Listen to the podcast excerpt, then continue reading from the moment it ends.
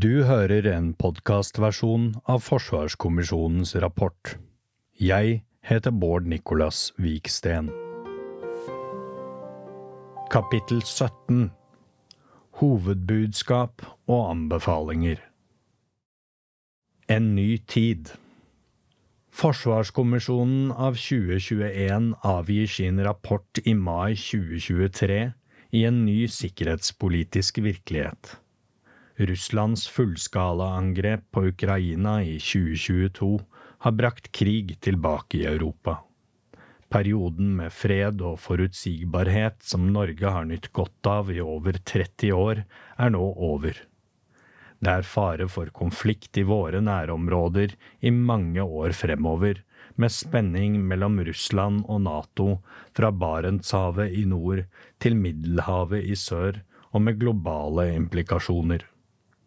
Russland har lidd store militære tap i Ukraina, men utgjør en reell og direkte trussel mot norsk og alliert sikkerhet i mange år fremover.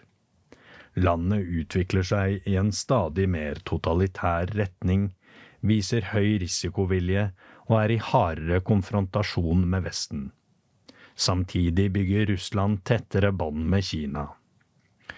Russiske maritime styrker, luftstyrker og strategiske styrker er i mindre grad berørt av krigen i Ukraina. Disse vil representere en alvorlig sikkerhetsutfordring, særlig i våre nærområder.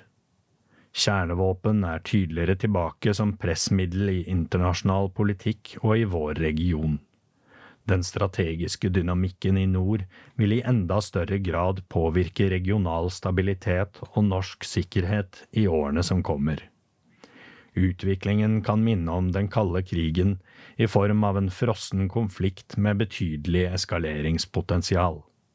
Men utviklingen er også vesentlig annerledes, med nye typer trusler mot stat og samfunn.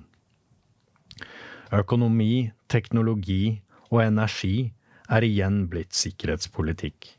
Rivaliseringen med et stadig sterkere Kina betyr at USAs evne og vilje til å garantere europeisk sikkerhet vil kunne bli markant mindre i tiden som kommer. Amerikanske ressurser vil trekkes mot Stillehavsregionen, noe som vil gi færre tilgjengelige ressurser for å opprettholde tilstedeværelse og avskrekking i Europa. Samtidig er det økt uro også i andre deler av verden, og nye sammensatte og uforutsigbare trusler mot samfunnet, både fra statlige og ikke-statlige aktører.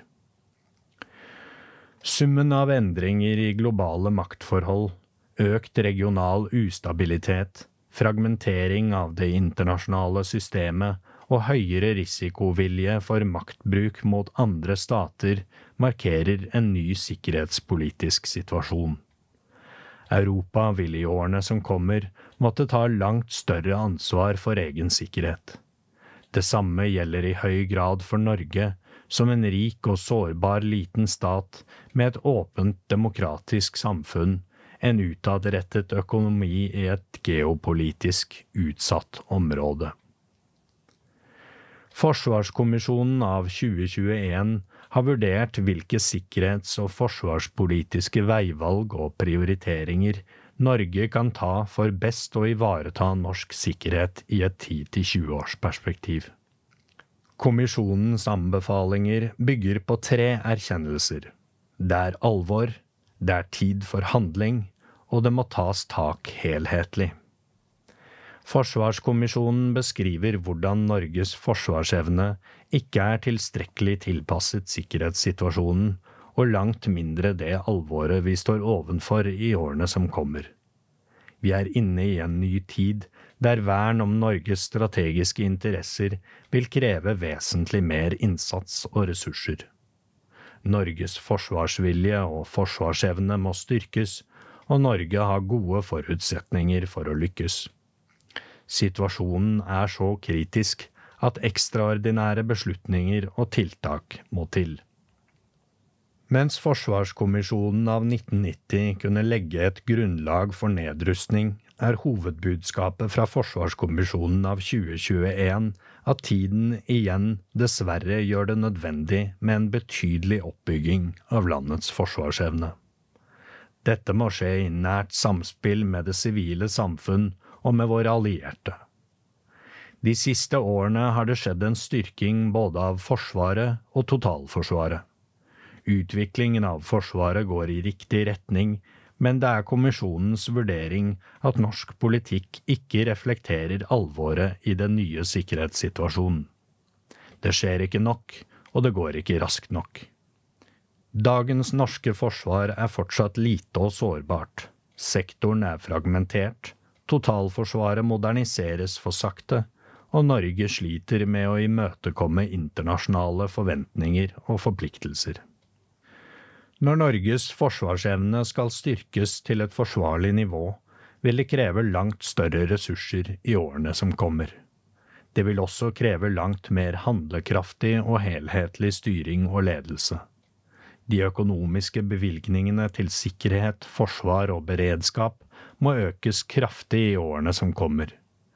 Det handler grunnleggende sett om prioritering av samfunnets ressurser. Bare det å gjøre dagens norske forsvar i stand til å løse pålagte oppgaver og møte samfunnets forventninger og omgivelsenes krav vil være utfordrende. For å sikre langsiktighet og forutsigbarhet anbefaler kommisjonen at et slikt nødvendig nasjonalt løft utformes som et bredt politisk forlik i form av en politisk bindende avtale mellom partiene. Norge har relativt gode forutsetninger for å møte det alvorlige utfordringsbildet. Norsk økonomi er sterk sett opp mot andre sammenlignbare land. Til tross for kontinuerlig omstilling og økonomisk nedprioritering har Norge beholdt mye av bredden i sin militære struktur. Prioritering av et minimum av bredde fremfor spesialisering har sikret Norge et tynt, men relevant forsvar. Med dette utgangspunktet er det mulig å utvikle volum og dybde samt å tilpasse til nye trusler og den teknologiske utviklingen. Verneplikten gir unik tilgang til personell, og den bidrar til bred legitimitet og anerkjennelse av Forsvarets betydning for samfunnet. Norge har over tid valgt å beholde og videreutvikle en konkurransedyktig forsvarsindustri og fremtredende forskningsmiljøer. I over 70 år har norsk sikkerhet vært garantert gjennom NATO, som i dag fremstår sterkere og mer samlet enn på lenge. Det er av stor betydning for Norge at Nato styrkes ytterligere gjennom svensk og finsk medlemskap. Videre har Norge omfattende og viktige bilaterale avtaler og samarbeid med andre land om forsvar, sikkerhet og beredskap. Norges strategiske forutsetninger er relativt gode. De er preget av velstand, sterk internasjonal posisjon og mange allierte. Det er mye å bygge videre på, men det vil kreve store ressurser, forsvarsfaglig kompetanse og politisk vilje.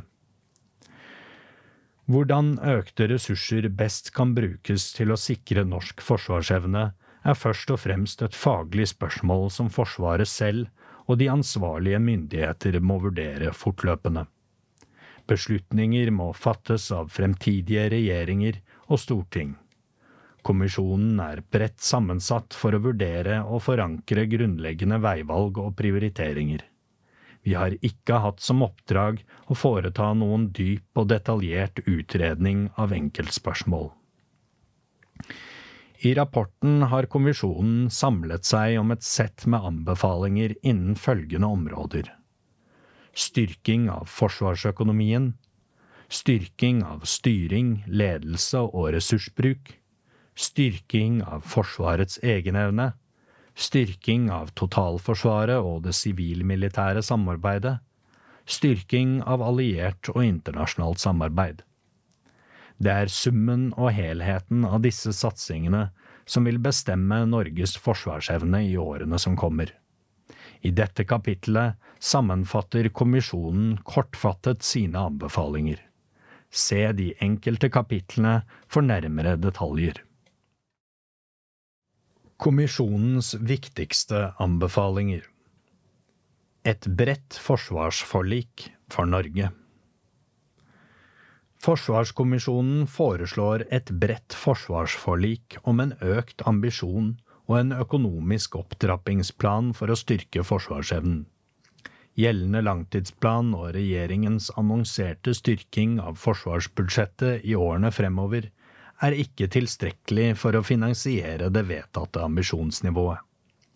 Det er heller ikke tilstrekkelig for å møte sikkerhetssituasjonen Norge står ovenfor de neste 10–20 årene. Det tar tid å utvikle et forsvar som gir tilstrekkelig operativ effekt. Forsvarskommisjonen foreslår derfor et nytt ambisjonsnivå for forsvarsevnen gjennom en satsing i tre samtidige løft kritiske tiltak for å styrke Forsvarets egenevne, en nasjonal maritim satsing og en helhetlig og langsiktig satsing på sikkerhet, forsvar og beredskap som gjør Forsvaret bedre i stand til å møte det teknologiske og geostrategiske skiftet. De tre parallelle løftene henger sammen og må påbegynnes samtidig. Som skissert i kapittel 16 vil Forsvarskommisjonen anbefale en økonomisk opptrappingsplan for styrking av forsvarsbudsjettet gjennom tre tiltak. Et umiddelbart budsjettløft, ekstraordinære bevilgninger over ti år og ytterligere budsjettøkning etter perioden med ekstrabevilgninger. Et umiddelbart budsjettløft. Forsvarskommisjonen anbefaler at forsvarsbudsjettet snarest mulig økes til et nivå om lag 30 milliarder kroner over gjeldende budsjettbane. En slik økning vil gjøre det mulig å ta inn etterslep, dekke kritiske sårbarheter og sikre at Forsvaret kan operere på et høyere og mer krevende aktivitetsnivå. Det vil videre gjøre det mulig å starte en nødvendig styrking av forsvarsevnen, særlig i det maritime. Økningen kan tette identifiserte gap, gi rom for økt bemanning og innkjøp av nødvendig ammunisjon og reservedeler. Økningen kan også fremskynde kritiske investeringer og legge til rette for det teknologiske skiftet. Dessuten vil et slikt løft tilsvare om lag 2% av BNP, som også vil møte Natos ambisjon. Under den kalde krigen brukte Norge ca 3% av BNP på Forsvaret, mens vi i dag er nede på ca 1,43% Løftet må starte umiddelbart og uavhengig av tidsplanen for den neste langtidsplanen for forsvarssektoren og andre ordinære budsjettprosesser. Forsvarskommisjonen anser at det er et betydelig rom for umiddelbar omsetning av ressurser til økt forsvarsevne ekstraordinære bevilgninger til oppbygging over ti år. Videre anbefaler Forsvarskommisjonen at det settes av ekstraordinære bevilgninger på om lag 40 milliarder kroner per år over en periode på ti år. Dette vil gi en bred og tidsbegrenset satsing på sikkerhet, forsvar og beredskap som løfter hele forsvarsevnen. Første prioritet bør være en maritim satsing, med vekt på styrket overvåkning, sikring og forsvar av norske havområder, kystfarvann og maritime interesser. Videre bør det investeres i en helhetlig styrking av alle sider ved Forsvarets egenevne, totalforsvaret og alliert støtte og forsterkning. Styrkingen må omfatte både land, sjø, luft, cyber og det ytre rom og alle støttefunksjoner. Satsingen må omfatte både kjøp av nytt materiell og rekruttering og opplæring av nødvendig personell. Investeringer og satsing innen teknologi, kompetanse, beskyttelse og forsyningsberedskap må sees systematisk og planmessig på tvers av sektorer. De må også sees i en flernasjonal ramme, og særlig i et nordisk perspektiv. Ytterligere budsjettøkning etter perioden med ekstrabevilgninger. Endelig anbefaler kommisjonen at forsvarsbudsjettet på sikt økes med 10 milliarder utover de 30 milliardene i budsjettløft etter at perioden med ekstrabevilgninger er over. Tilstrekkelig samsvar mellom drift og investering er avgjørende for forsvarsevnen. Det må derfor sikres at de økte driftskostnadene som vil følge av ekstrabevilgningene, blir kompensert i forsvarsbudsjettene etter hvert som nye kapasiteter kommer på plass. Dette vil gi nødvendig langsiktighet, fleksibilitet og forutsigbarhet for en helhetlig tilnærming til forsvaret av Norge. Rammene for en styrking av forsvarsøkonomien Norsk økonomi er historisk sterk, og relativt sett sterkere enn i noe annet europeisk land. Norge som samfunn har de økonomiske ressursene som skal til for å styrke sin forsvarsevne, og det kan skje uten å måtte ta opp statslån, slik en rekke allierte nå gjør for å ruste seg til å møte nye sikkerhetsutfordringer. I tillegg har den dramatisk forverrede sikkerhetspolitiske situasjonen og endringene i Europas energiforsyning etter opptrappingen av Russlands krig mot Ukraina i 2022 gitt Norge ekstraordinære inntekter fra økte priser på olje og gass. Inntektene er så enorme at en relativt liten andel av disse inntektene alene vil være nok til å styrke vårt lands forsvarsevne vesentlig i lang tid fremover. Det er slik sett et spørsmål om prioritering og styringsvilje. Det er et faktum at statsbudsjettene må forventes å bli strammere i årene som kommer, samtidig som det må finnes inndekning for eventuelt økte forsvarsutgifter. Kommisjonen er ikke i posisjon til å komme med forslag til inndekning og omprioriteringer. Dette vil være opp til regjeringen å fremme og Stortinget å beslutte gjennom årlige budsjettvedtak. Dette må imidlertid gjøres, og det må forenes med krav til langsiktighet og forutsigbarhet noe som er helt avgjørende for en planmessig oppbygning av forsvarsevnen. Kommisjonen har vurdert ulike grep for å sikre dette, herunder et eget forsvarsfond som kan trekkes på som et tillegg til de årlige budsjettene. Det kan være fordeler ved dette. Kommisjonen har likevel falt ned på at det mest realistiske og økonomisk forsvarlige er at forsvarsutgiftene fortsatt synliggjøres på vanlig måte gjennom de ordinære budsjettene. Det nærmere innholdet i et eventuelt fremtidig bredt politisk forsvarsforlik vil måtte avklares mellom partiene etter forhandlinger. Slike avtaler om brede nasjonale forlik er et virkemiddel som er kjent fra andre særlig viktige samfunnsområder, og de utgjør en viktig og verdifull del av norsk politisk tradisjon. Etter kommisjonens syn er landets fremtidige forsvar og sikkerhet et spørsmål som er særlig godt egnet for dette. Hensikten med et slikt forlik må være å styrke forsvarsevnen raskt og med en planmessig satsing over tid. For at et forsvarsforlik skal kunne gi ønsket effekt, må det stilles nye krav til styring, ledelse og ressursbruk. Slik kan forliket sette rammer og retning for en styrking av Forsvarets egenevne, en styrking av sivilmilitært samarbeid og totalforsvaret, og en styrking av Norges allierte og internasjonale forbindelser, som til sammen i betydelig grad vil øke vår evne til å forsvare Norge. Nye krav til styring, ledelse og ressursbruk. En nødvendig, men omfattende satsing på forsvar, sikkerhet og beredskap vil kreve tydeligere ledelse og prioriteringer og evne til god ressursbruk i forsvarssektoren og på tvers av sektorer. Forsvarskommisjonen er spesielt opptatt av at en betydelig tilførsel av midler til forsvarssektoren må følges av skjerpede krav til styring og ledelse. Forsvarskommisjonen har i kapittel 15 særlige anbefalinger innen tre områder. Nasjonal styring og ledelse i en ny sikkerhetspolitisk tid. Forbedret styring og ledelse av forsvarssektoren.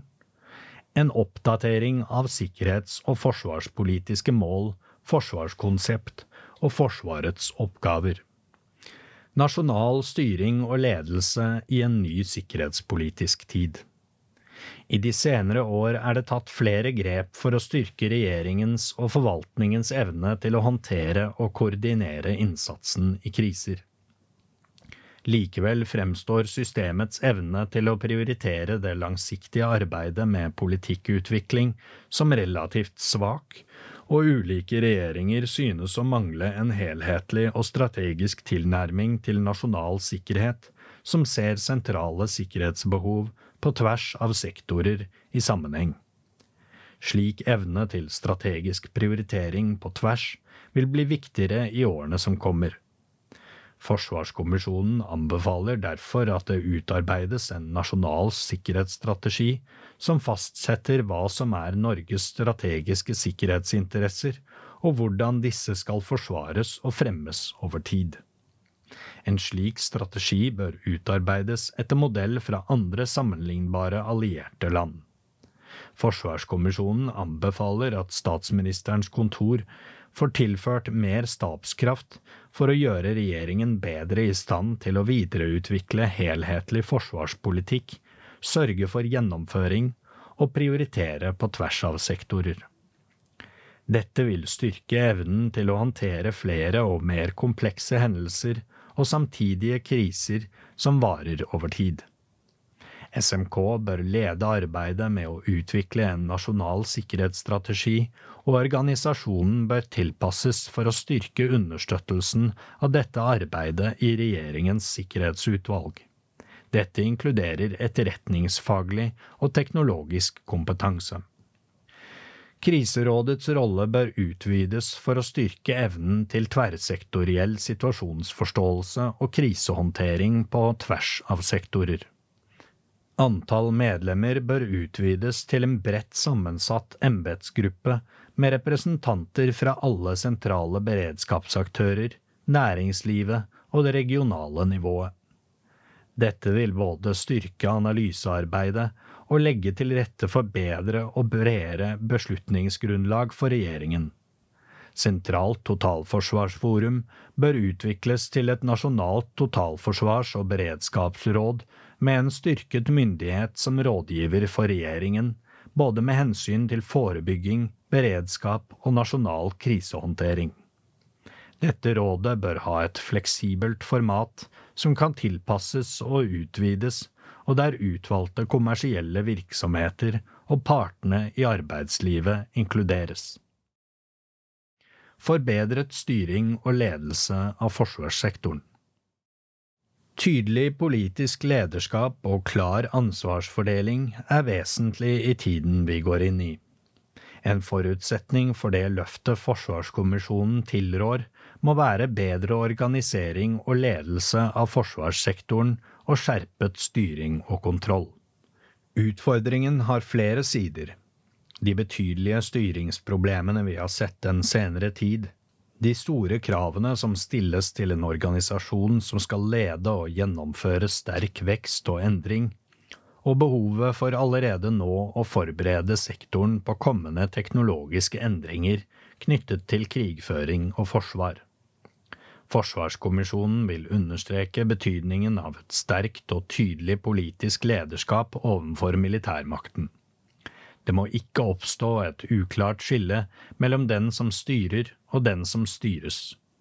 Forsvarssjefens dobbeltrolle som fagmilitær rådgiver i departementet og etatssjef må gjennomgås og avklares. Både Forsvarsdepartementet og Forsvarsstaben må styrkes for langsiktig og strategisk utviklingsarbeid. Forsvarssjefen må få en tydeligere rolle i styring og utvikling av sektoren. For dette formålet må Forsvarsstaben kunne utvikle og følge opp ressursområder og aktiviteter i Forsvaret og forsvarssektoren helhetlig. Forsvarskommisjonen anbefaler en helhetlig gjennomgang av ansvar, roller og myndighet i Forsvaret, Forsvarsbygg, Forsvarsmateriell og Forsvarets forskningsinstitutt med henblikk på organisering, rolleavklaring, modernisering og effektivisering. Kommisjonen vil understreke at man ikke kan anbefale et omfattende økonomisk løft uten at det samtidig blir stilt tøffe og kontinuerlige krav til effektiv og ansvarlig ressursbruk. Arbeidet med å oppnå effektivisering og modernisering har ikke hatt ønsket effekt i forsvarssektoren. Mye handler om kompetanse og lederkraft. Sivil kompetanse må brukes der militær kompetanse ikke er svaret, og lederskapet kan styrkes ved å rekruttere inn personell med erfaring fra ledelse og teknologiomstilling i næringslivet og andre offentlige virksomheter. Flernasjonale løsninger og samarbeid med sivile aktører må søkes for å finne kosteffektive løsninger knyttet til anskaffelser, utdanning, logistikk og vedlikehold der det er mulig. Forsvarskommisjonen anbefaler at det gjennomføres en bredt anlagt effektivitetsanalyse av forsvarssektoren, som også innebefatter mulig overflødige organisasjonsledd og nivåer. Et av hovedspørsmålene kan være hvor mye forsvarsevne generelt og dokumentert operativ evne spesielt får Norge ut av sitt budsjett sammenlignet med andre land. Forsvarets operative evne er kritisk viktig, og realistiske vurderinger av denne må være den sentrale målestokken i vurderingen av Forsvarets egenevne. Da må regimet for vurdering av operativ evne, VOE, forbedres på flere måter. Det må ta opp i seg at Forsvaret fremtidig innrettes for kontinuerlige operasjoner og kriser noe som forutsetter at alle viktige sider ved operativ evne inkluderes og vurderes. Dette omfatter også våpen og ammunisjon, beredskapslagre, reservedeler samt personellets kompetanse. Regimet må dessuten bli mer gjennomsiktig, dokumenterbart og etterprøvbart enn i dag. Oppdatering av sikkerhets- og forsvarspolitiske mål, konsept og oppgaver. Forsvarskommisjonen anbefaler endringer i sikkerhets- og forsvarspolitiske mål, forsvarskonseptet og Forsvarets oppgaver. Det må være sammenfall mellom de overordnede strategiske interesser og gjeldende hovedmål for sikkerhets- og forsvarspolitikken. Mål, konsept og oppgaver må være utgangspunktet for mer strategisk styring i forsvarssektoren og for oppdragsforståelsen i Forsvaret. Dette drøftes i kapittel 11.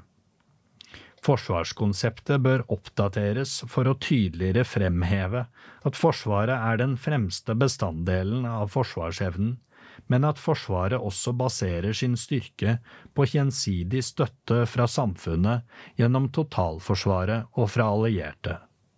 Forsvarskommisjonen har vurdert behovet for en tilpasning av Forsvarets oppgaver for og reflektere utfordringsbildet i dag og slik vi ser det for oss de neste 10–20 årene.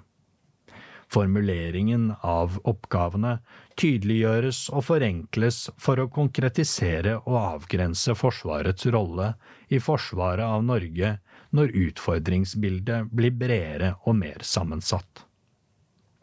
Forsvarskommisjonen anbefaler også at det foretas en utredning av hovedprinsippene for norsk avskrekkings- og beroligelsespolitikk i en ny tid. Dette er aktualisert av Russlands endrede atferd, økt alliert aktivitet, svensk og finsk NATO-medlemskap og den teknologiske utviklingen. Styrking av Forsvarets egenevne. Kommisjonens anbefaling er at Norge bør prioritere forsvarsevne langs tre akser, og er særlig omtalt i kapittel 11, 12 og 16. Dette utgjør samlet sett et nytt ambisjonsnivå som er nødvendig for å kunne håndtere mulige trusler mot nasjonal sikkerhet de neste 10–20 årene. Kritiske tiltak for å gjøre dagens forsvar mer operativt og robust En nasjonal maritim satsing for sikring og forsvar av strategiske interesser i norske havområder og kystfarvann. En generell og helhetlig styrking av hele forsvarsevnen for å understøtte et større forsvar, sterkere beredskap og teknologisk endring. Umiddelbare tiltak for å styrke dagens forsvar. Det må, etter kommisjonens syn, tas umiddelbare grep for å gjøre dagens forsvar mer operativt, robust og beredt på høyere aktivitetsnivå over lengre perioder. Reaksjonsevne og utholdenhet må heves vesentlig fra dagens nivå. Det omfatter annet å redusere kjente sårbarheter innen digital og fysisk sikring, løfte beredskapsnivået på en rekke kapasiteter, øke bemanningen på kritiske områder, styrke utdanning og rekruttering, og få tilført nødvendig ammunisjon, reservedeler og forsyninger til operative avdelinger. Personell, organisasjon og planverk må være dimensjonert og beredt for at endringer kan komme raskt. I den senere tid er det gjort en del tiltak på dette området, i noen tilfeller er prosessene gjennomført raskere og mer effektivt enn vanlig, som for eksempel beslutningen om å anskaffe nye maritime helikoptre vinteren 2023. Det er også lagt inn nye bestillinger på ammunisjon og annet materiell. Etter kommisjonens vurdering må disse prosessene påskyndes ytterligere og prioriteres høyere. En rekke av Forsvarets våpensystemer har i dag kritisk mangel på ammunisjon og reservedeler, og leveransene til Ukraina det siste året har skapt hull som må tettes gjennom nye bestillinger. Leveringstidene er lange, og det haster både med å legge inn bestillinger og utvikle industriell kapasitet. Bemanningssituasjonen i deler av Forsvaret er kritisk lav. Volumet må opp snarest mulig, både gjennom økt rekruttering og tiltak for å beholde personell. En nasjonal maritim satsing Forsvarskommisjonen anbefaler en maritim satsing for å styrke evnen til å ivareta interesser i norske havområder og i kystsonen. Det er mange grunner til dette. Norge har store maritime interesser over enorme havområder. En stor del av nasjonens ressurser og verdier befinner seg til havs i form av olje og gass, fiskerier og skipsfart. Det siste året har Norges posisjon som energileverandør til Europa blitt enda viktigere, slik at dette også er en alliert maritim interesse. Den geopolitiske og strategiske betydningen av de norske havområdene vil øke ytterligere i årene fremover. Dertil kommer at Sverige og Finland som NATO-medlemmer vil styrke den fellesnordiske land- og luftmakten, men ikke sjømakten i våre nærområder. Norges rolle i å sikre frie sjøveier og tilrettelegge for alliert mottak og forsterkninger blir derfor enda viktigere. Dette skjer samtidig som at en rekke av Forsvarets fartøyer begynner å bli gamle og snart enten må byttes ut eller vesentlig oppgraderes. Behovet for en nasjonal maritim satsing er omtalt i kapittel 11 og utdypet i kapittel 12 og 16. En strategisk nasjonal maritim satsing vil kreve at Forsvaret styrker evnen til planlegging og ledelse av fellesoperasjoner på tvers av domener og allierte. Det maritime domenet sikres mye gjennom sjømakt, men også gjennom luftmakt, der de nye F-35 kampflyene og P-8 maritime patruljefly er sentrale. I kystnære strøk har Hæren, Heimevernet og spesialstyrkene viktige roller. En stor del av norsk etterretning er maritimt orientert, og det samme gjelder kapasiteter på romfart og cyber.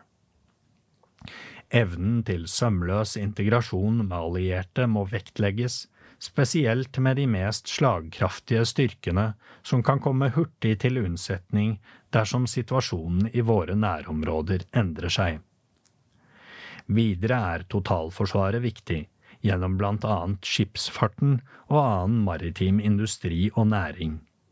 Norge har også et omfattende maritimt samarbeid med allierte, både om planlegging av mottak og løpende operasjoner. Alt dette vil bli enda viktigere i årene som kommer, og det må inngå i en helhetlig og strategisk maritim satsing. For å sikre Forsvarets evne til å utøve sjømakt, mener Forsvarskommisjonen at norske myndigheter snarest må beslutte Forsvarets nye maritime overflatestruktur. Den nye strukturen må være på plass før dagens struktur går ut på dato rundt 2030, slik at den operative evnen opprettholdes. I tillegg til nye fregatter bør satsingen omfatte flere ubåter, standardfartøy for ulike oppgaver, luftvern over den maritime hovedbasen og beskyttelse av alliert mottak og forsterking. Satsingen bør også bidra til å utvikle kystnære kapasiteter, styrke søk- og redningskapasiteten med langtrekkende droner, maritime helikoptre og satellittkapasitet, samt nødvendig logistikkstøtte. Satsingen skal gjøre Norge enda bedre i stand til å tilrettelegge for alliert samvirke både ute og hjemme. En helhetlig styrking av forsvarsevnen. Forsvarskommisjonen anbefaler et generelt og helhetlig løft av norsk forsvarsevne. Dette for å øke volum, effekt og dybde i alle operative miljøer og støtteavdelinger, og med nødvendig bemanning og logistikk. En slik satsing er nødvendig for egen nasjonal sikkerhet og for å kunne oppfylle Norges forpliktelser overfor allierte i årene som kommer. Et samlet løft for norsk forsvarsevne og beredskap forutsetter styrking i flere sektorer.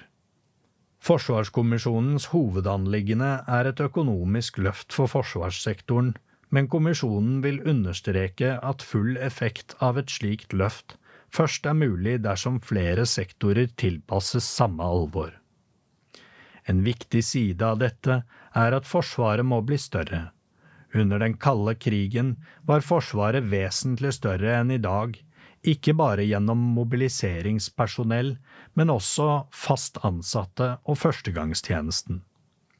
I dag er antallet soldater Norge kan stille ved krise og krig, langt under nivået som sikkerhetssituasjonen tilsier. Tallet på soldater må økes i alle grener og avdelinger, både gjennom flere fast ansatte, økt innkalling av vernepliktige og økt bruk av reservister. Dette krever i sin tur mer materiell, mer infrastruktur, mer logistikk, og økt satsing på rekruttering og personalpolitikk. Landmakten bør etter kommisjonens syn tilpasses en ny strategisk situasjon i Norden, der også sikring av allierte forsterkninger og kritisk infrastruktur må tillegges vekt. En hær med tre brigader, hvorav én kan baseres på reservister, vil gi norske myndigheter flere handlingsalternativer i operasjoner hjemme og ute, i fred, krise og krig. Videre bør landmakten styrkes gjennom et modernisert heimevern som er bedre trent og teknologisk utrustet for et høyere aktivitetsnivå og for operasjoner i kystsonen. Det er behov for at luftmakten får tilførsel av personell og våpen, slik at den kan realisere det fulle potensialet i F-35-anskaffelsen og andre strategiske flysystemer. Mangelen på luftvern er en vesentlig svakhet ved forsvaret av Norge. Samtidig er moderne luftvern ekstremt kostbart.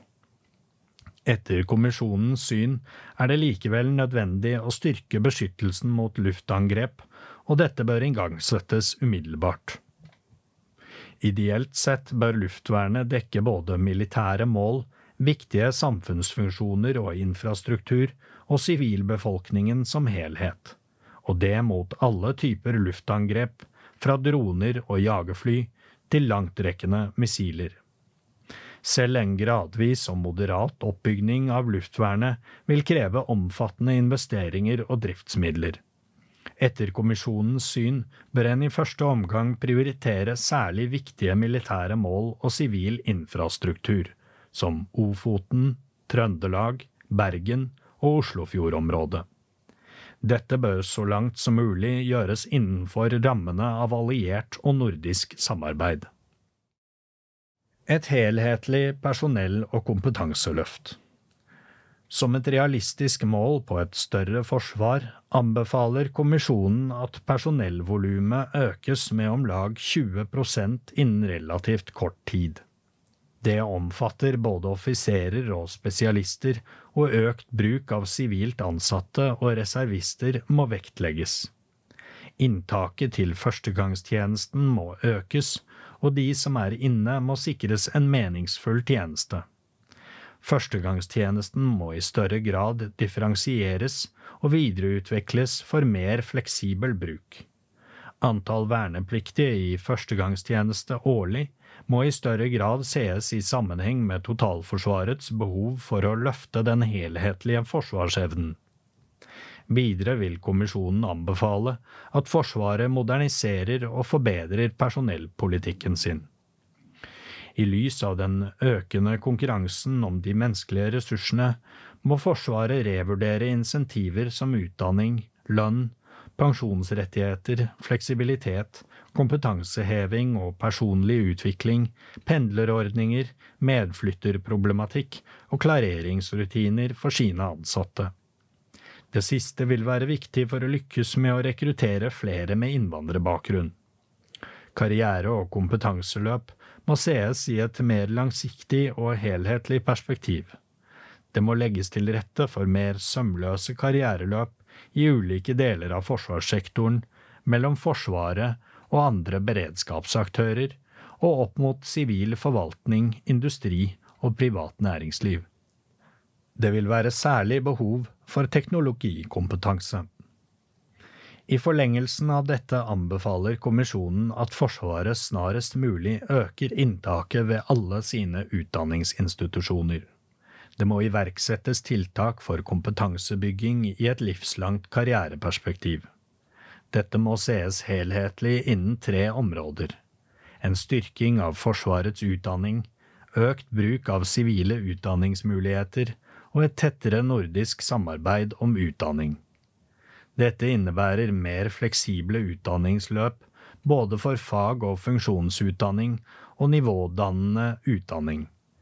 Kommisjonen anbefaler at Forsvaret i større grad benytter sivile utdanningsmuligheter og anerkjenner relevant sivil utdanning og kompetanse der det er mulig. Karriereutvikling i Forsvaret og forsvarssektoren bør sees som en del av totalforsvaret, der det legges til rette for å veksle mellom operativ tjeneste og perioder i sivil sektor, industri og næringsliv. Det vil være særlig behov for teknologikompetanse. Et samlet Norden i Nato åpner nå muligheter for å samle fagmiljøer på tvers av landegrensene. Et styrket norsk utdanningsmiljø vil bidra til forbedret kollektiv sikkerhet gjennom utvidet kunnskap og forståelse for de andre nasjonenes sikkerhetspolitiske innretning. Som et minimum anbefaler kommisjonen en vesentlig økt utveksling av instruktører, lærere og elever mellom de nordiske skolene. Dette kan etter hvert lede til dypere utdanningssamarbeid. Norge bør ta initiativ for å finne gode løsninger på kompetansesiden i rammen av det tettere nordiske forsvarssamarbeidet. Tilrettelegge for bedre teknologiutnyttelse og industrisamarbeid. Forsvarssektoren må i større grad innrette organisasjon, utdanning, kapasitet og kultur for systematisk innovasjon og bruk av ny teknologi. Det bør også vurderes hvordan man på tvers av tradisjonelle sektorgrenser kan få til en felles koordinert innsats for teknologiutvikling, strategisk planlegging og gjennomføring. Slik kan kunnskapsmiljøer og tjenester trekke veksler på den spisseste teknologikunnskapen norsk og internasjonal industri og næringsliv har å tilby. Det må legges til rette for utviklingsprosjekter som ikke handler om plattformer og forsvarsgrener, men om effekt og integrerte nettverk av sensorer og våpensystemer. Kommisjonen anbefaler at Forsvarets evne til å forstå, eksperimentere med og inkorporere ny teknologi økes. Forsvarskommisjonen anbefaler også at fleksibiliteten i anskaffelsessystemet utnyttes bedre for utnyttelse av ny teknologi og hurtige anskaffelser. Dedikerte miljøer må arbeide med konseptutvikling for innfasing av ny teknologi. Forsvarskommisjonen anbefaler videre at Forsvaret oppretter et eget program for rask innfasing av autonome systemer. Programmet bør være innrettet spesielt for å videreutvikle norsk evne til situasjonsforståelse, overvåking og kontroll over og under vann. Det bør også bygges evne til å ramme systemene til eventuelle motstandere. Forsvarssektoren må gjennom en digital transformasjon. Forsvarskommisjonen anbefaler at det etableres et program for kunstig intelligens og et system for innsamling og utnyttelse av data i sektoren. Norge bør vektlegge dette teknologiområdet, og Forsvaret må kobles på en nasjonal satsing. Forsvarssektorens strategi for kunstig intelligens er et viktig første steg. Det anbefales at sivile og militære kunnskapsmiljøer samarbeider for å sikre gode etiske løsninger på feltet. Forsvarssektoren må redusere sitt klimaavtrykk og bidra til et bærekraftig samfunn nasjonalt og internasjonalt. Økt bruk av simulatorer, bruk av satellitter, undervannssensorer og mer energieffektive fartøy må vurderes når forsvarsevnen og nye maritime konsepter skal utvikles. Norsk forsvarsindustripolitikk og politikk for innovasjon i forsvarssektoren må utvikles i nært samarbeid med allierte for å gi tilgang til ny kompetanse og felles løsninger. Ny teknologi gjør samarbeid med industri utenfor den tradisjonelle forsvarsindustrien nødvendig. Militær teknologiutvikling sammen med allierte vil være kosteffektivt. Det vil også sikre at systemene har felles standarder, slik at de kan virke sammen i felles operasjoner. Det er også en del av byrdefordelingen i alliansen. Forsvarskommisjonen mener Norge bør bidra i den kollektive innsatsen for å styrke europeisk produksjonskapasitet, særlig innen teknologiske komponenter som halvledere, kritiske materialer og ammunisjon. Norske fortrinn på dette området må utnyttes i tråd med Norges strategiske interesser. Teknologi- og industridimensjonen er omtalt i mange ulike deler av rapporten, men særlig i kapittel 7, 9, 11, 12, 13 og 14. Styrking av sivilmilitært samarbeid og totalforsvaret. Under den kalde krigen hadde Norge et relativt velutviklet totalforsvar. Dette forvitret fra 1990-årene, men er i de senere årene gradvis bygget opp igjen. Mye er gjort, men mye gjenstår før Norge er på et nivå som reflekterer det reelle trusselbildet. Totalberedskapskommisjonen er bedt om å vurdere styrker og svakheter ved dagens beredskapssystemer og legge frem sine anbefalinger i juni 2023. Begge kommisjonene har vært opptatt av tiltak for å styrke sivilmilitært samarbeid, totalforsvaret og myndighetenes evne til å håndtere sammensatte trusler. Forsvarskommisjonen har først og fremst vurdert Forsvaret og Forsvarets rolle i totalforsvaret, samt rammene for sivilmilitært samarbeid generelt.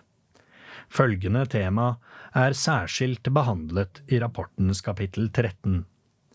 Håndtering av nye og sammensatte trusler, revitalisering av totalforsvaret, Forsvarets bidrag til samfunnssikkerhet, Forsvarets avhengighet av støtte fra det sivile samfunn, informasjon, forsvarsvilje og forsvarsevne i befolkningen. Styrke håndteringen av sammensatte trusler. Samhandlingen på tvers av sektorer, sivil-militært, men også offentlig-privat, må forbedres for å møte nye typer trusler. Myndighetene må legge til rette for dette. Sammensatte trusler må møtes med bedre felles situasjonsforståelse og tverrsektorielt samarbeid, og med styrket motstandsdyktighet i vårt samfunn og befolkning. Forsvarskommisjonen anbefaler en helhetlig gjennomgang av EOS-tjenestenes roller, ansvar og mandater for å sikre god ressursutnyttelse og en bedre evne til å detektere, motvirke og håndtere sammensatte trusler. Revitalisering av totalforsvaret. Totalforsvaret må utvikles i takt med utfordringsbildet og samfunnsutviklingen. Forsvarskommisjonen anbefaler at Forsvarsdepartementet i samarbeid med andre relevante departementer utreder og tydeliggjør ansvar, roller og myndighet knyttet til et revitalisert totalforsvar. Ledelse og styringslinjer i totalforsvaret må påse at planlegging, øving og samhandling skjer. Forsvarskommisjonen anbefaler også at militære og sivile planforutsetninger ses i sammenheng for best mulig ressursutnyttelse. Det må legges bedre til rette for vekselbruk av ressurser og kompetanse i det sivil-militære samarbeidet. Det må inngås et tettere og mer forpliktende nordisk samarbeid for å sikre samtidig styrking i alle nordiske land det kommende tiåret. Næringslivets og industriens rolle i totalforsvaret bør tydeliggjøres og knyttes sterkere til strukturene for nasjonal beredskap og krisehåndtering. Et forbilde her er skipsfarten, der strukturene fra den kalde krigen fortsatt i noen grad er beholdt og videreutviklet. På samme måte bør det planmessig bygges opp rutiner og prosesser for beredskap og samarbeid med andre sentrale deler av det private næringsliv, herunder transport, IT, digitale tjenester og vitale forsyninger som drivstoff og mat. Videre anbefaler kommisjonen at norske myndigheter tydeligere og mer konkret beskriver beredskaps- og forsyningsbehovet i krise og krig. Dette for å kunne utnytte kapasitetene som ligger i næringslivet og det sivile samfunnet ved behov. På samme måte må sårbarheter og sikkerhetshensyn i det private forstås og håndteres. De respektive rollene til næringsliv, frivillige aktører og befolkningen som helhet bør defineres tydeligere innen totalforsvaret. Disse må også inkluderes i planleggingen for sikkerhetspolitisk krise og krig, for å sikre at sivil side er tilstrekkelig forberedt. Forsvarets bidrag til samfunnssikkerhet Forsvarets hovedfunksjon er å forsvare statssikkerheten, men det har lenge også hatt som en av sine oppgaver å bidra til samfunnssikkerheten i videre forstand. Forsvaret utfører løpende en rekke oppdrag for sivile myndigheter. Evnen til å utnytte statens og samfunnets samlede ressurser er særlig viktig i kriser. Det bør vurderes nærmere om kapasiteter som bygges opp, kan brukes både sivilt og militært. Forsvarskommisjonen vil understreke at dette er en viktig del av Forsvarets virksomhet. Forsvarets bidrag til samfunnssikkerheten vil antagelig bli enda viktigere i årene som kommer. Trusselen fra ulike former for sammensatte angrep og aksjoner fra både statlige og ikke-statlige aktører må forventes å øke i fremtiden. I mange situasjoner vil Forsvaret kunne ha kapasitet og kompetanse av stor verdi for å løse utfordringene. Da er det viktig at sivile myndigheter kan innhente bistand raskt og effektivt. Dersom Forsvaret skal bygges videre opp, må egnede ressurser kunne komme samfunnet til gode når det er nødvendig. I de senere år er regler og rutiner for Forsvarets bistand til politiet og andre sivile myndigheter revidert og videreutviklet, og samarbeidet er forbedret. Mekanismer for samhandling gjennom trening, øvelser og daglig drift må videreutvikles. Forsvarets avhengighet av støtte fra det sivile samfunn. Forsvaret har de siste årene blitt mer avhengig av støtte fra sivilsamfunnet, og dette må forventes å øke fremover. Det gjelder både bistand fra sivile myndigheter, industrien og næringslivet. Forsvaret settes i stand til å håndtere og utnytte en slik utvikling gjennom planverk, avtaler og budsjetter. Her har det skjedd en positiv utvikling i de senere år, men også her fremstår bildet som fragmentert og med betydelig rom for fortsatt forbedring. Forsvarskommisjonen anbefaler en gjennomgang av dagens ordninger for strategiske avtaler og partnerskap. Forsvarssektoren må forbedre sin egen forståelse av både mulighetsrommet og eventuelle begrensninger som ligger i denne typen samarbeid. Rammeverket for samarbeid må optimalisere operativ evne og fungere ved krise og krig, og i en tid med stadig mer komplekse verdikjeder og avhengigheter. I rapporten har kommisjonen fremhevet noen særlig viktige områder for dette, herunder sivil-militær helseberedskap samt sivile aktørers betydning for Norges evne til å ta imot allierte styrker. På disse feltene er det særlige behov for bedre planlegging og beredskap, men det gjelder også andre vitale områder som transport, forsyninger og digitale tjenester. Sivil understøttelse av militær innsats reiser en rekke rettslige spørsmål. Etter kommisjonens vurdering har de gamle lovene om beredskap fra 1950-årene tålt tiden godt. Lovene er fleksible nok til å ivareta dagens behov, og de kan tilpasses et nytt trusselbilde. Men dette er bare et overordnet rammeverk. I den øvrige beredskapslovgivningen trengs en gjennomgang av eksisterende regelverk for å tette hull og møte nye utfordringer. Det gjelder også utfyllende forskrifter og planverk. Kommisjonen er kjent med at det pågår arbeid med dette, og gir sin tilslutning til at dette arbeidet prioriteres. Styrke informasjon, kommunikasjon og kompetanse om sikkerhet, forsvar og beredskap. Forsvarskommisjonen anbefaler at det utarbeides rutiner og samarbeidsformer for informasjonsdeling på tvers av sektorer, inkludert privat sektor. Det må også lages verktøy for å dele informasjon i sanntid og gradert informasjon til dem som trenger det. Årsaker til at informasjonsutveksling er vanskelig, må identifiseres og ryddes opp i. En må også styrke kompetansen om trusselbildet på nasjonalt, regionalt og lokalt plan. Dette vil kunne bidra til å bedre forsvarsvilje og forsvarsevne i befolkningen. Forsvarskommisjonen vil understreke betydningen av at kunnskap og bevissthet om sikkerhetssituasjonen må nå flere sektorer og større deler av befolkningen og næringslivet. Forsvarets utdanningsinstitusjoner bør tilby økt kursing av flere aktører på tvers av sektorer. Tiltak som bidrar til psykologisk motstandsdyktighet gjennom høy situasjonsbevissthet i befolkningen, må inngå i det bredere beredskapsarbeidet.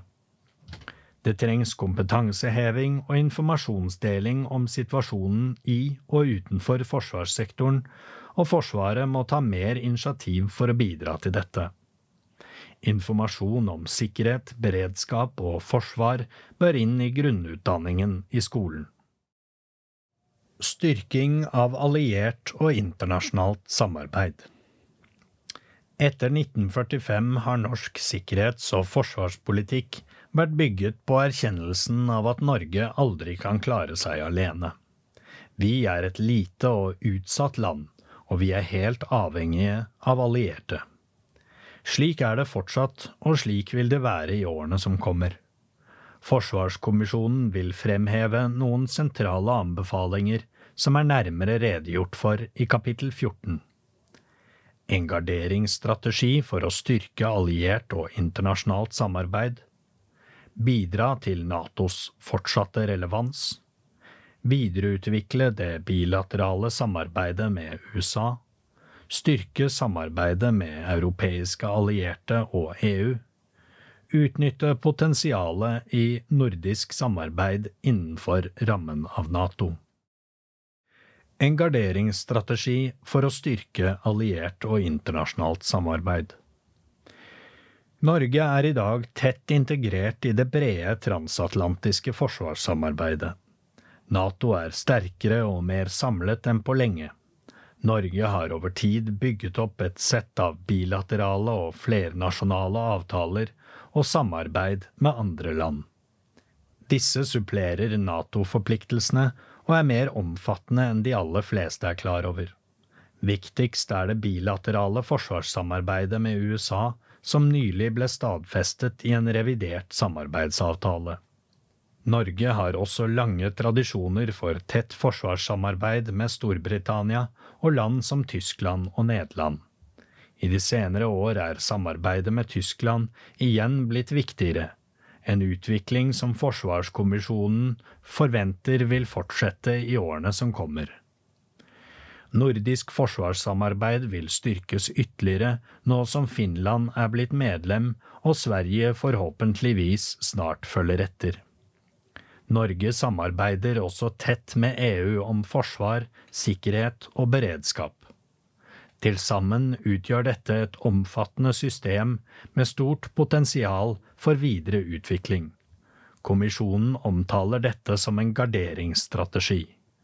Realiteten er ikke ny, men den kan med fordel bevisstgjøres, systematiseres og utvikles videre som en overordnet nasjonal strategi for forsvaret av Norge og innenfor rammene av et internasjonalt system basert på folkeretten og FN-pakten.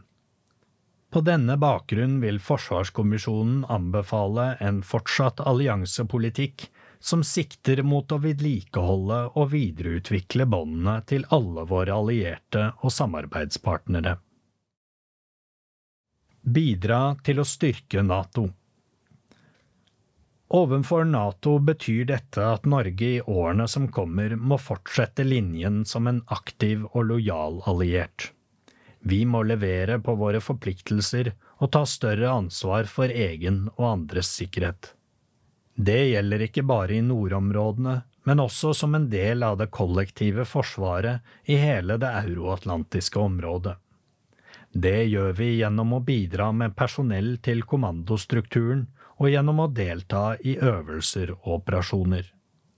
Norge må være en pådriver for å videreutvikle Nato i tråd med norske strategiske interesser. Innenfor rammene av Nato bør Norge fortsette å ta særlig initiativ og ansvar i våre egne nærområder. Vi må ta et særskilt ansvar for alliert mottak og forsterkning til Natos nye felles operasjonsområde i Østersjøen og nordområdene. Dette innebærer økte krav til vertslandsstøtte og styrker på tilstrekkelig høy beredskap. Videreutvikle det bilaterale samarbeidet med USA. Bilateralt bør Norge fortsette å utvikle de samarbeidsordningene vi har i dag, og vi må aktivt utforske mulighetene for nye initiativer. De neste 10–20 årene bør Nato fortsette å være det viktigste rammeverket for forsvaret av Norge, og USA bør være vår viktigste samarbeidspartner og sikkerhetsgarantist.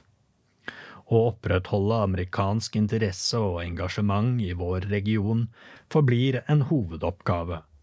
En viktig oppgave fremover blir å bevare og videreutvikle samarbeidet med USA i det maritime domenet, innen etterretning og overvåkning, øving og trening i arktiske omgivelser og materiellsamarbeid. En utvidelse av tilleggsavtalen med USA bør vurderes forsterke samarbeidet med nordeuropeiske allierte og EU.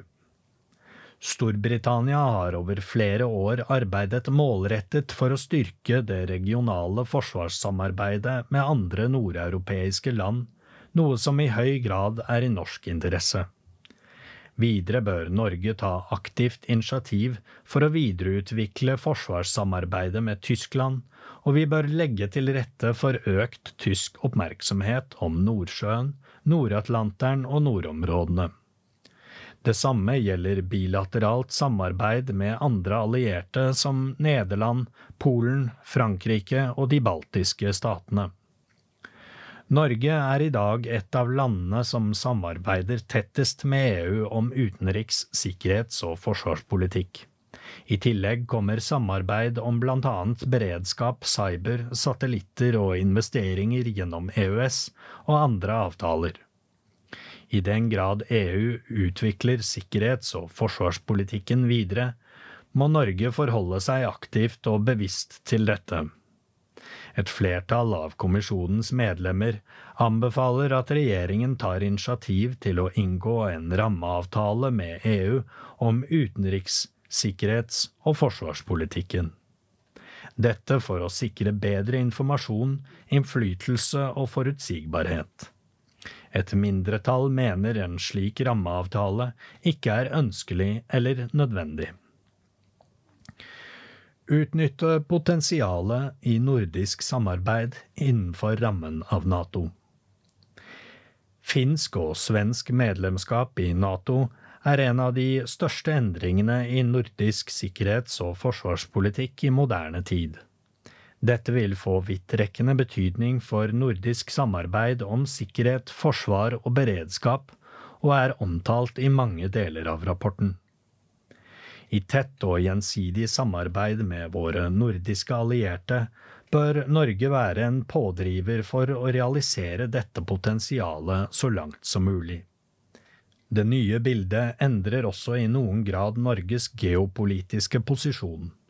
Med Sverige og Finland som del av Nato vil Norge bli et strategisk mottaks- og transittområde for hele det arktisk-nordisk-baltiske området.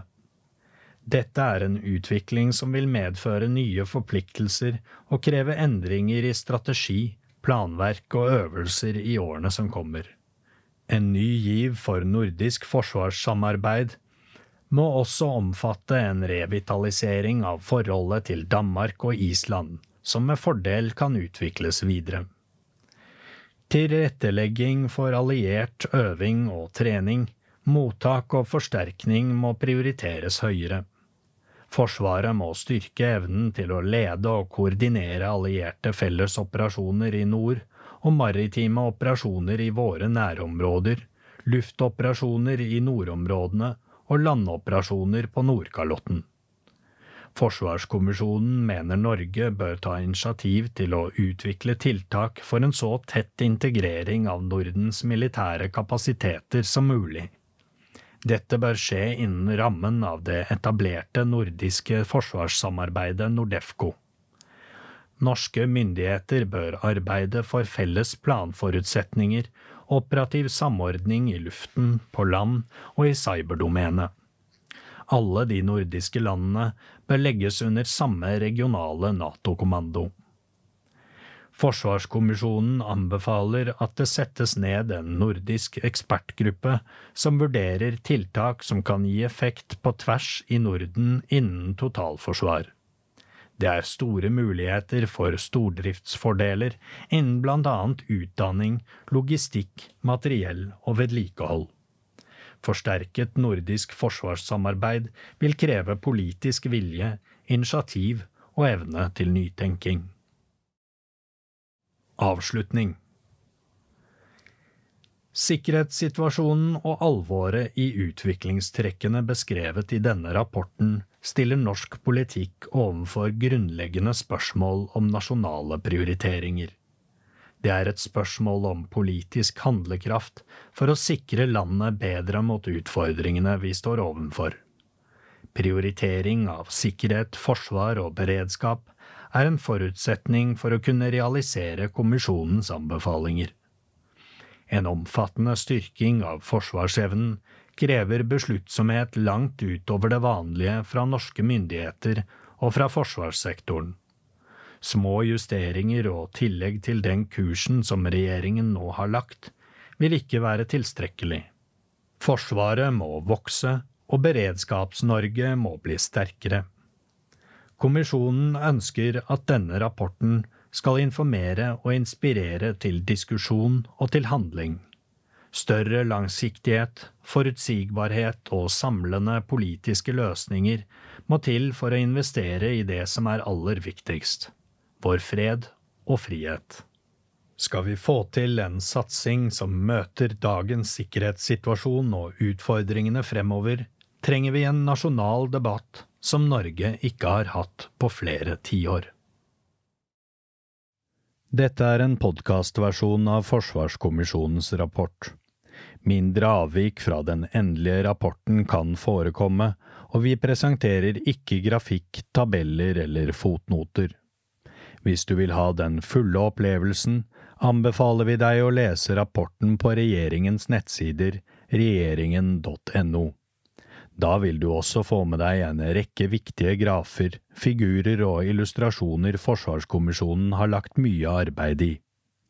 Denne lydutgaven er ingen erstatning for den trykte rapporten, og det er kun den trykte rapporten som representerer Forsvarskommisjonens svar på regjeringens oppdrag. Denne podkasten er laget av Knut Storberget, Bård Nicolas Vik Steen, Kristine Hellesland, Fredrik Tamberg, Jørgen Lyngvær og Thomas Haraldsen.